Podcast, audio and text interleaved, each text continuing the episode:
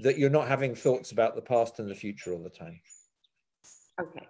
And let's say, let's assume that I am in a job of forecasting, right? Or let's assume I'm in a job of, you know, for example, like now, you know, you have to plan and schedule and do all of these things. How does that fit in with being present? Uh, because. Uh, yeah.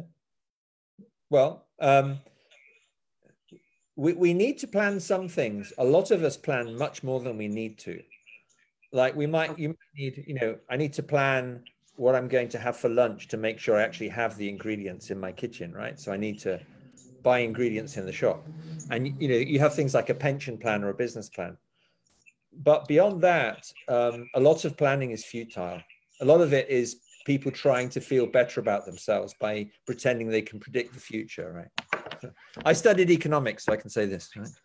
Okay. All right. So technically, you cannot predict an economic future. So right now, everybody that is trying to, you know, restructure their business, you're telling them it's futile. It's, it's... there are certain things you can do. I mean, it's useful to have a cash flow forecast because then you know if you're about to go bust or you know what you need to do in order to stay in business, right? But a lot of predictions are actually futile. It's just it's just nonsense uh, including in the financial markets. I mean, people make predictions which are miles out. Yeah.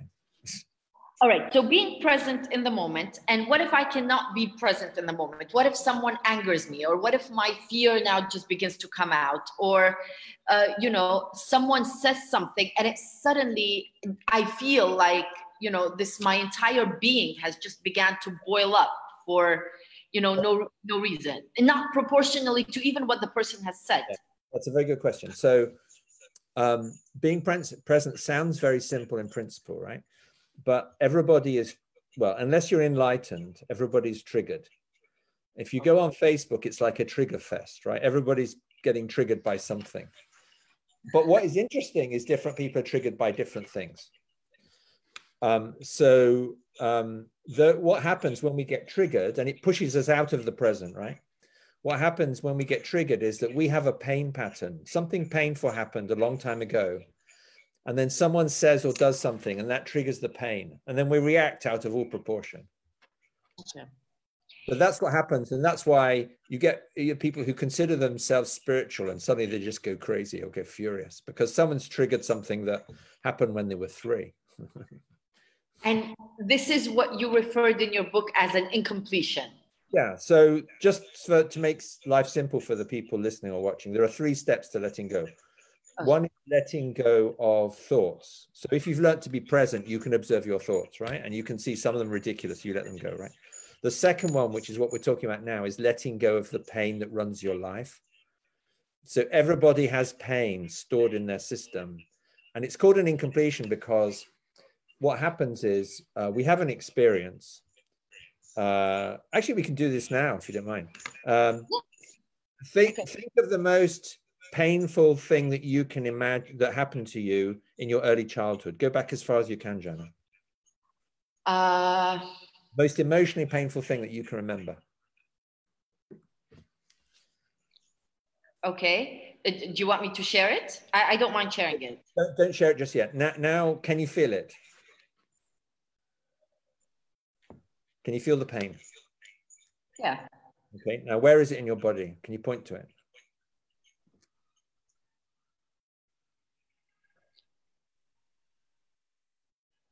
It, uh, it's in it's in my legs. It's, yeah. it's like in my thighs. Yeah. So 99% of people that I've talked to can find it in their bodies, right? So I'm guessing it was years and years ago, but it's still stored in your system. Well, if you want to, you can say what it was.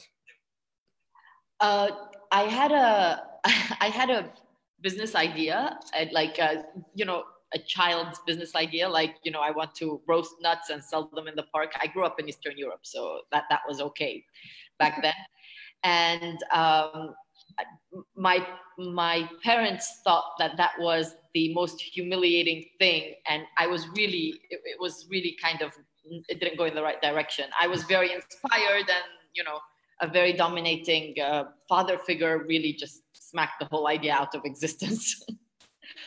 so yeah. Okay, so how did you feel about that? What what what what thoughts did you create from that? There can be cog- cognitions, like you you start to cognize or see the world in a particular way based on that experience. There are okay. So what I think that there are things that come to mind are that there are things that are jobs that are not good enough for me. Uh, there are there is humiliation in working with your hands. Um, these these are all things that I mean you're asking me. So uh, other things are um, that you shouldn't degrade yourself for money or for work. Uh, right. All right. Yeah. Wow. Okay, that's three straight away, right? So what happens is when we start, when we start life, right, we're divine beings. We we we we we laugh and we cry and we're blissful, right? And then at some point in childhood, we have these experiences, right? And what happened? The reason they're called incompletions is you don't complete them. So you have the pain, and you have all these cognitions, these these misunderstandings, if you like, that you've just talked about, and they start to limit you, and they and they stay in your system, and you and they're calling completions because you don't complete them. Because in an ideal world, you would just scream and feel all the pain and then drop it, right? Okay. And if you want to go and roast nuts and sell them in the park, you go and do it, right? But instead, what happens is we store it in our in our bodies, and it starts to limit our lives. So you know, you've lived in the UK. Um, in, in Britain, we're really, really good at suppressing things. so something happens, and it's painful, so you suppress it, right? Yeah, it's rude. It's it's never polite to expose too much of yourself, right? Yes, now suppressed it. It's like holding down a football in a swimming pool, and then one day it just comes out. It just erupts, right? And there's a war or something. And so that's what happens. That's why it's called an incompletion. In Sanskrit, it's called samskara, which is like a scar. So it's like scar tissue in your system. And, and so instead of being pure, you've got all these yeah incompleted pain and all this stuff in your system right? And it starts to run your life. And do they run your life? This, this was actually the question when i read the book is do they run your life because they are um, because they're incomplete so they're looking for a completion themselves but you're yeah, still resisting them yeah they keep trying to grab your attention. They keep bugging you right? And then when you want to do something for example you might say well i've had this great idea for a business right? And then you immediately have a feeling that it's dirty to work with your hands. Well that that rules out tons of businesses right? Yeah absolutely okay. um, but sorry by, by the way one thing i just wanted to say what's really interesting is that the ego is made up of these incompletions. So lots of spirit traditions talk about the ego. The ego is composed of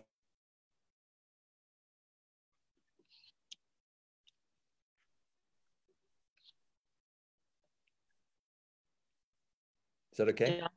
Still working? I lost you on Zoom. Can you say the last sentence again? No, what I was, oh, hold it.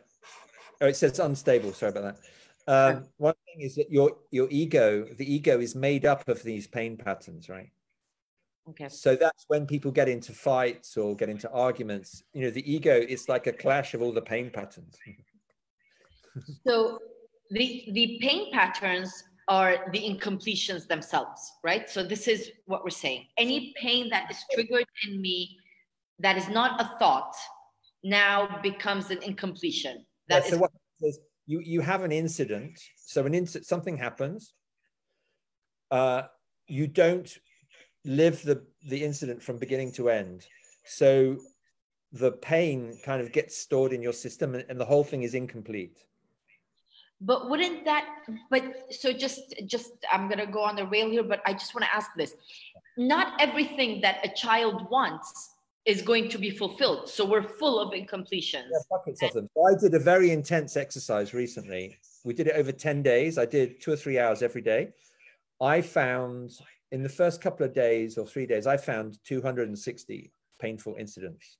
Wow. From the age of five. So the first one i can remember is my first day at school I worked all the way up to the present. I found 260. The lady who was leading the class said, "You may have a thousand, but 260 is good." you can that. All right.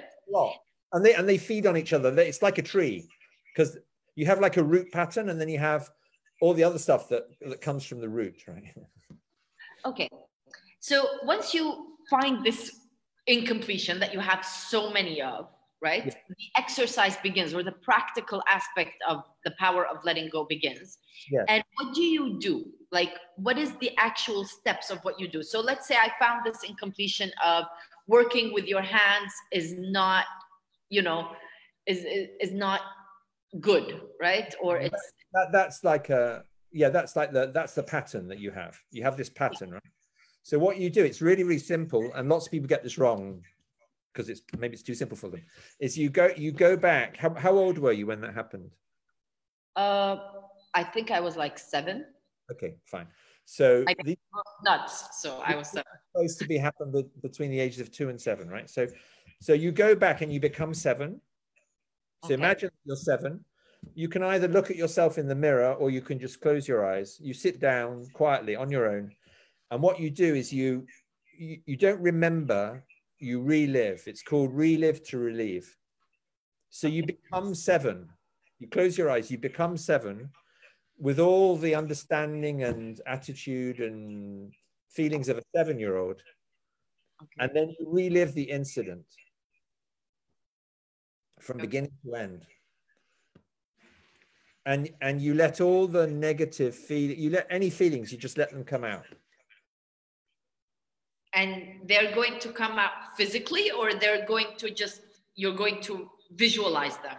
No no no you know you just you just relive. It's not visualize it's relive. So so um, you might cry you might laugh you might sweat you might feel sick. It's like it's like taking allow it's like getting pus out of a wound. Because the wound is there right? Okay but th- there's one thing here that i want to get into I'm not visualizing this. So well, you're kind of you're just kind of it's not visualizing a sense of imagining. You're, you're kind of replaying the tape in your mind. Okay, and there's no inventing. It's, it's part where you know it's not nice. Once I get to the part where you know I'm uncomfortable with what is being said to me, what do just, I do? You just feel it. You just feel it. So you're reliving. You're just reliving the experience and feeling everything. Okay and so basically it's like sitting in it sitting in this feeling of emptiness of pain of whatever it is. Whatever comes, up, whatever comes up. You just live it from beginning to end. And it's not necessarily very long. It might be just that conversation you had with your dad or okay. Just, and just live it. You relive it. Okay. And then then there's this idea that now begins to you know happen in in, in my mind is well this is painful. I want to run away from this. I don't I, the mind the mind wants you to run away. That's normal.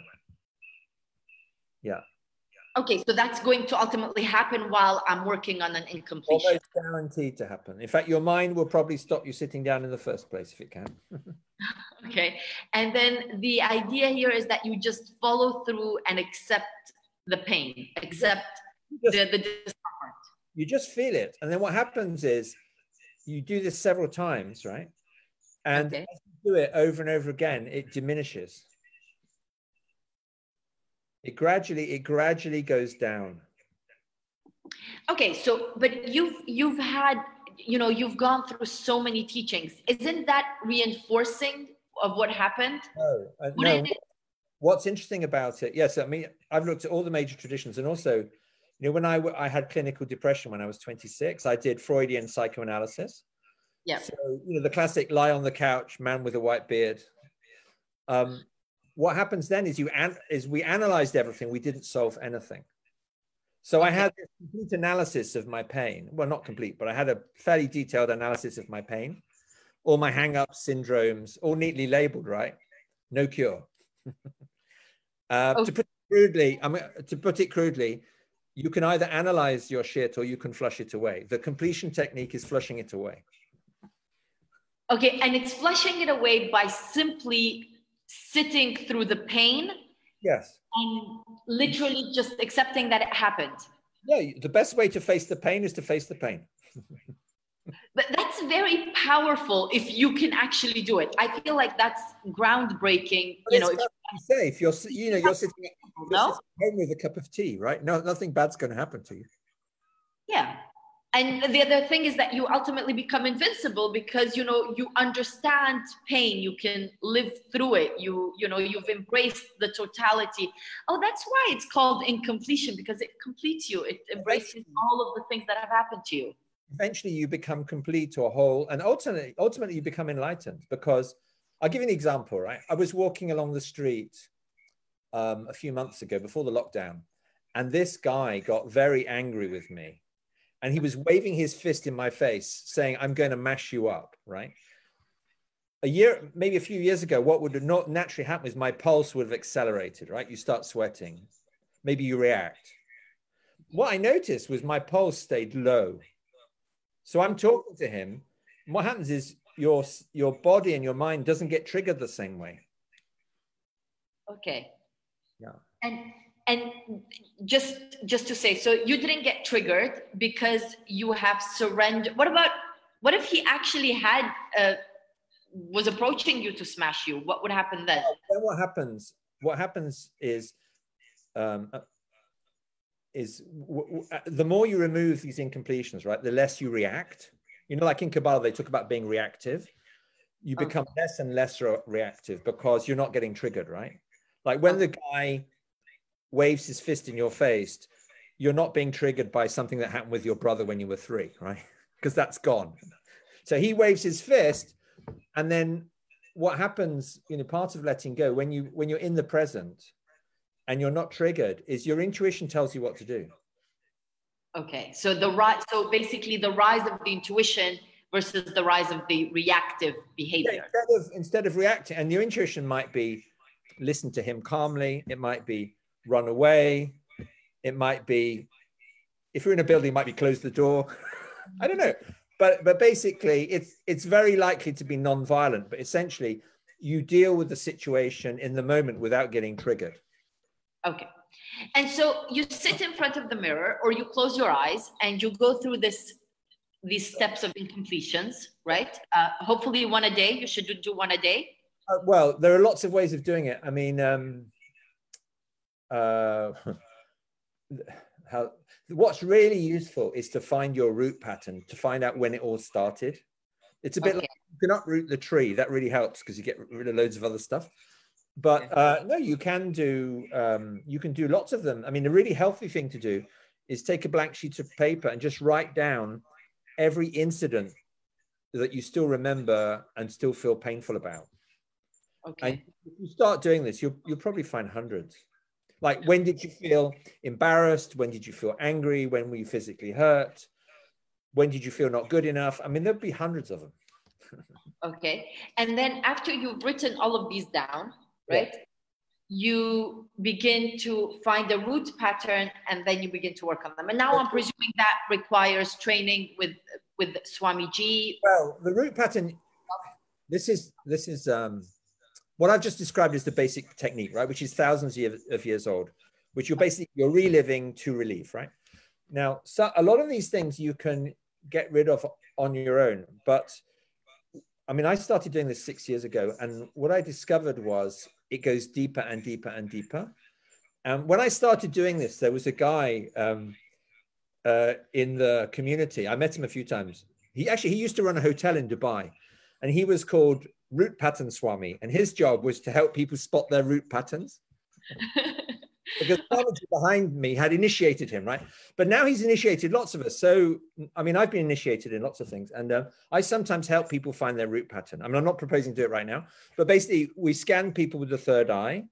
I mean, I'll give an example. I was talking to someone, I don't think he'd mind my saying this, and he's anonymous. Uh, he asked me to scan him and find the, and I found uh, I had an image of a girl in a white dress with like a blue fringe. And there was a man who was angry, and he said, after a while, he figured out who the girl was and the man. Wow. That was just from me scanning with my third eye. So, so what I'm trying to say is there are people who can help you find your root pattern. Okay. How and, did it start? You know. and then once you find this root pattern, yeah. you you go through the process of incompletions of, of completing the inst- the painful incidents. Yeah. All right. And then comes the third aspect of letting go, which is now you're whole. And how do you, you, well, you just. the third step in letting go is surrender, right?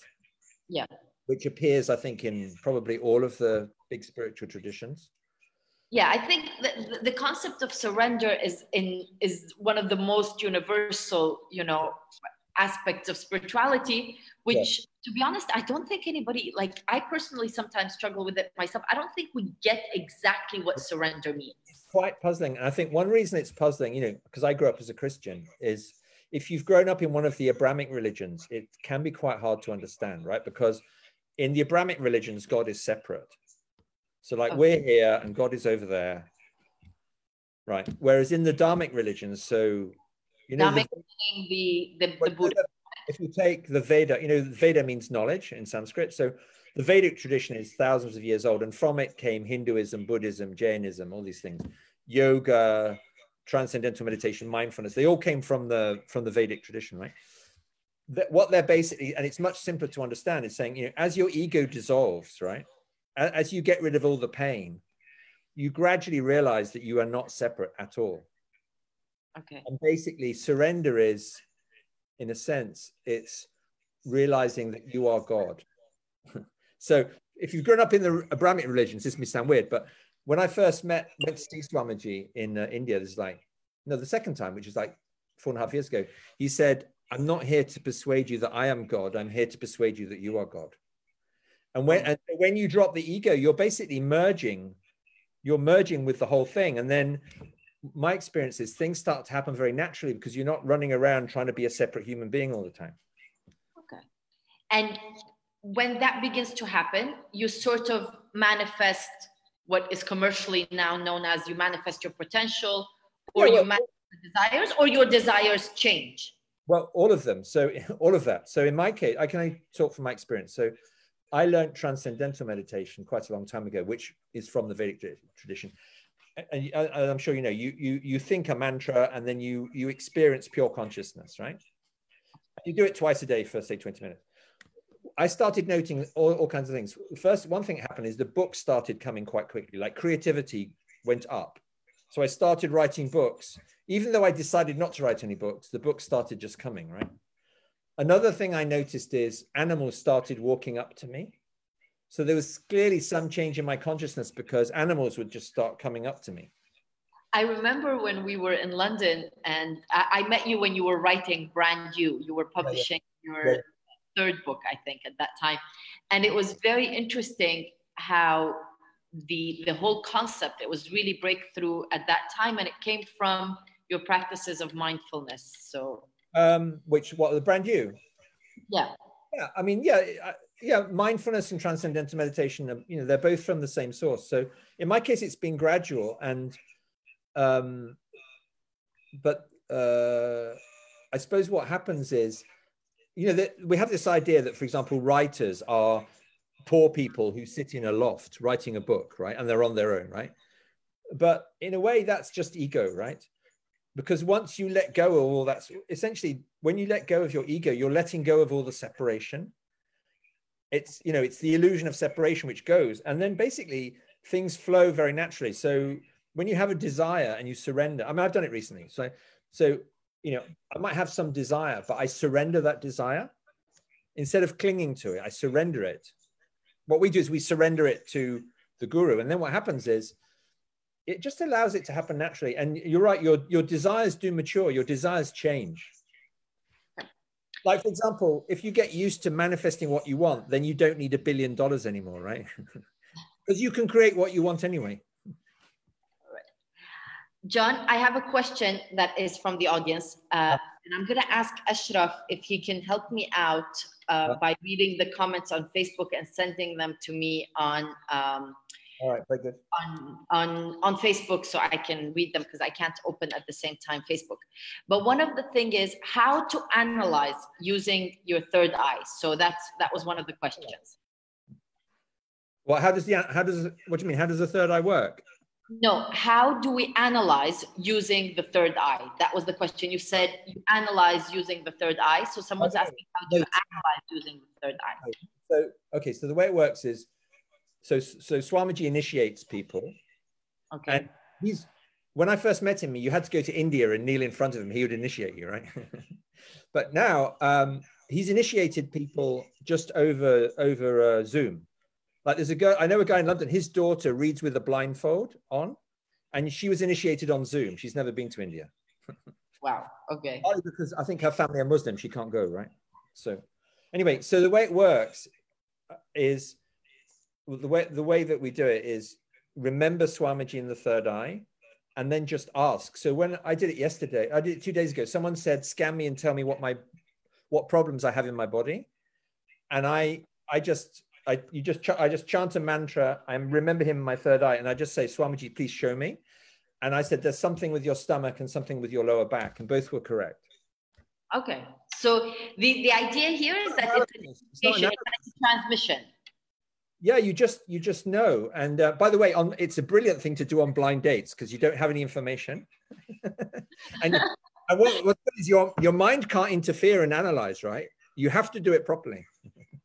Yeah absolutely.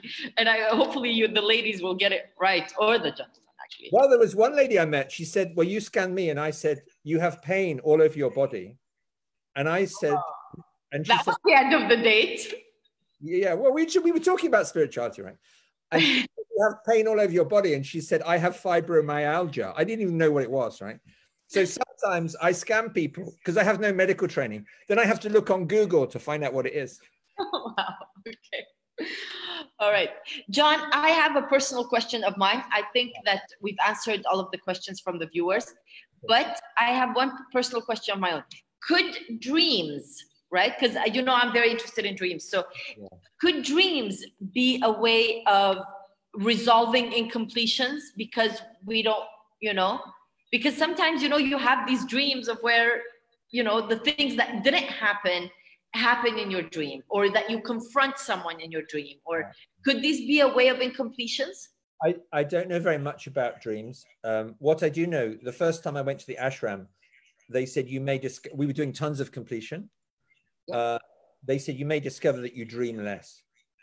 Um, huh? my, my, personal guess, because I don't know much about it, what I would imagine is if you have lots of dreams, it may be that those are incompletions that are coming up. Okay. Um, just the same way as, you know, if you're trying to live life, but you're constantly detract, distracted by thoughts. So th- these incompletions, they're a bit like radioactive, like an incompletion would just generate thousands of thoughts until you remove it, right? All right, John, thank you very, very, very much. John, can you tell us your social media, whatever you want to share about if oh, people? Well, for those who didn't see it, this is the book is called The Power of Letting Go, and the only social media link you need is. Uh, so my name is John Purkiss, J O H N P U R K I S S, and I use that on Instagram, Facebook, everywhere. Uh, we have a, by the way, we have um on Facebook we have a thing called the Power of Letting Go Book Club, which everybody is welcome to join. All right. John, thank you very, very, very much. Um, this is honestly the power of letting go. There are at least, I'm going to give it a go with the completions. Yes, yes. Completions. I really want to see how that works, uh, especially in aspects of business. Uh, oh, yeah. Very, very good. It's a really good time to test its impact because, you know, everybody's, you know, in a hype about everything that's going on around the world. So the the act of surrendering is really, you know, yes. it's good. It's good for everybody. It's good for everybody. I am very very thankful that you came on on the house show today. And if anybody wants to contact John later, he has shared his details at John Purkiss. And the house show will see you next month at 12:30. And you can share, like us on Facebook at the House of Wisdom Center. All right. Okay. Thank you very much. Thank Thanks, Bye. everybody. Bye bye. John, do you want to stay with me while I just, uh, do I, click, do I click done on Instagram?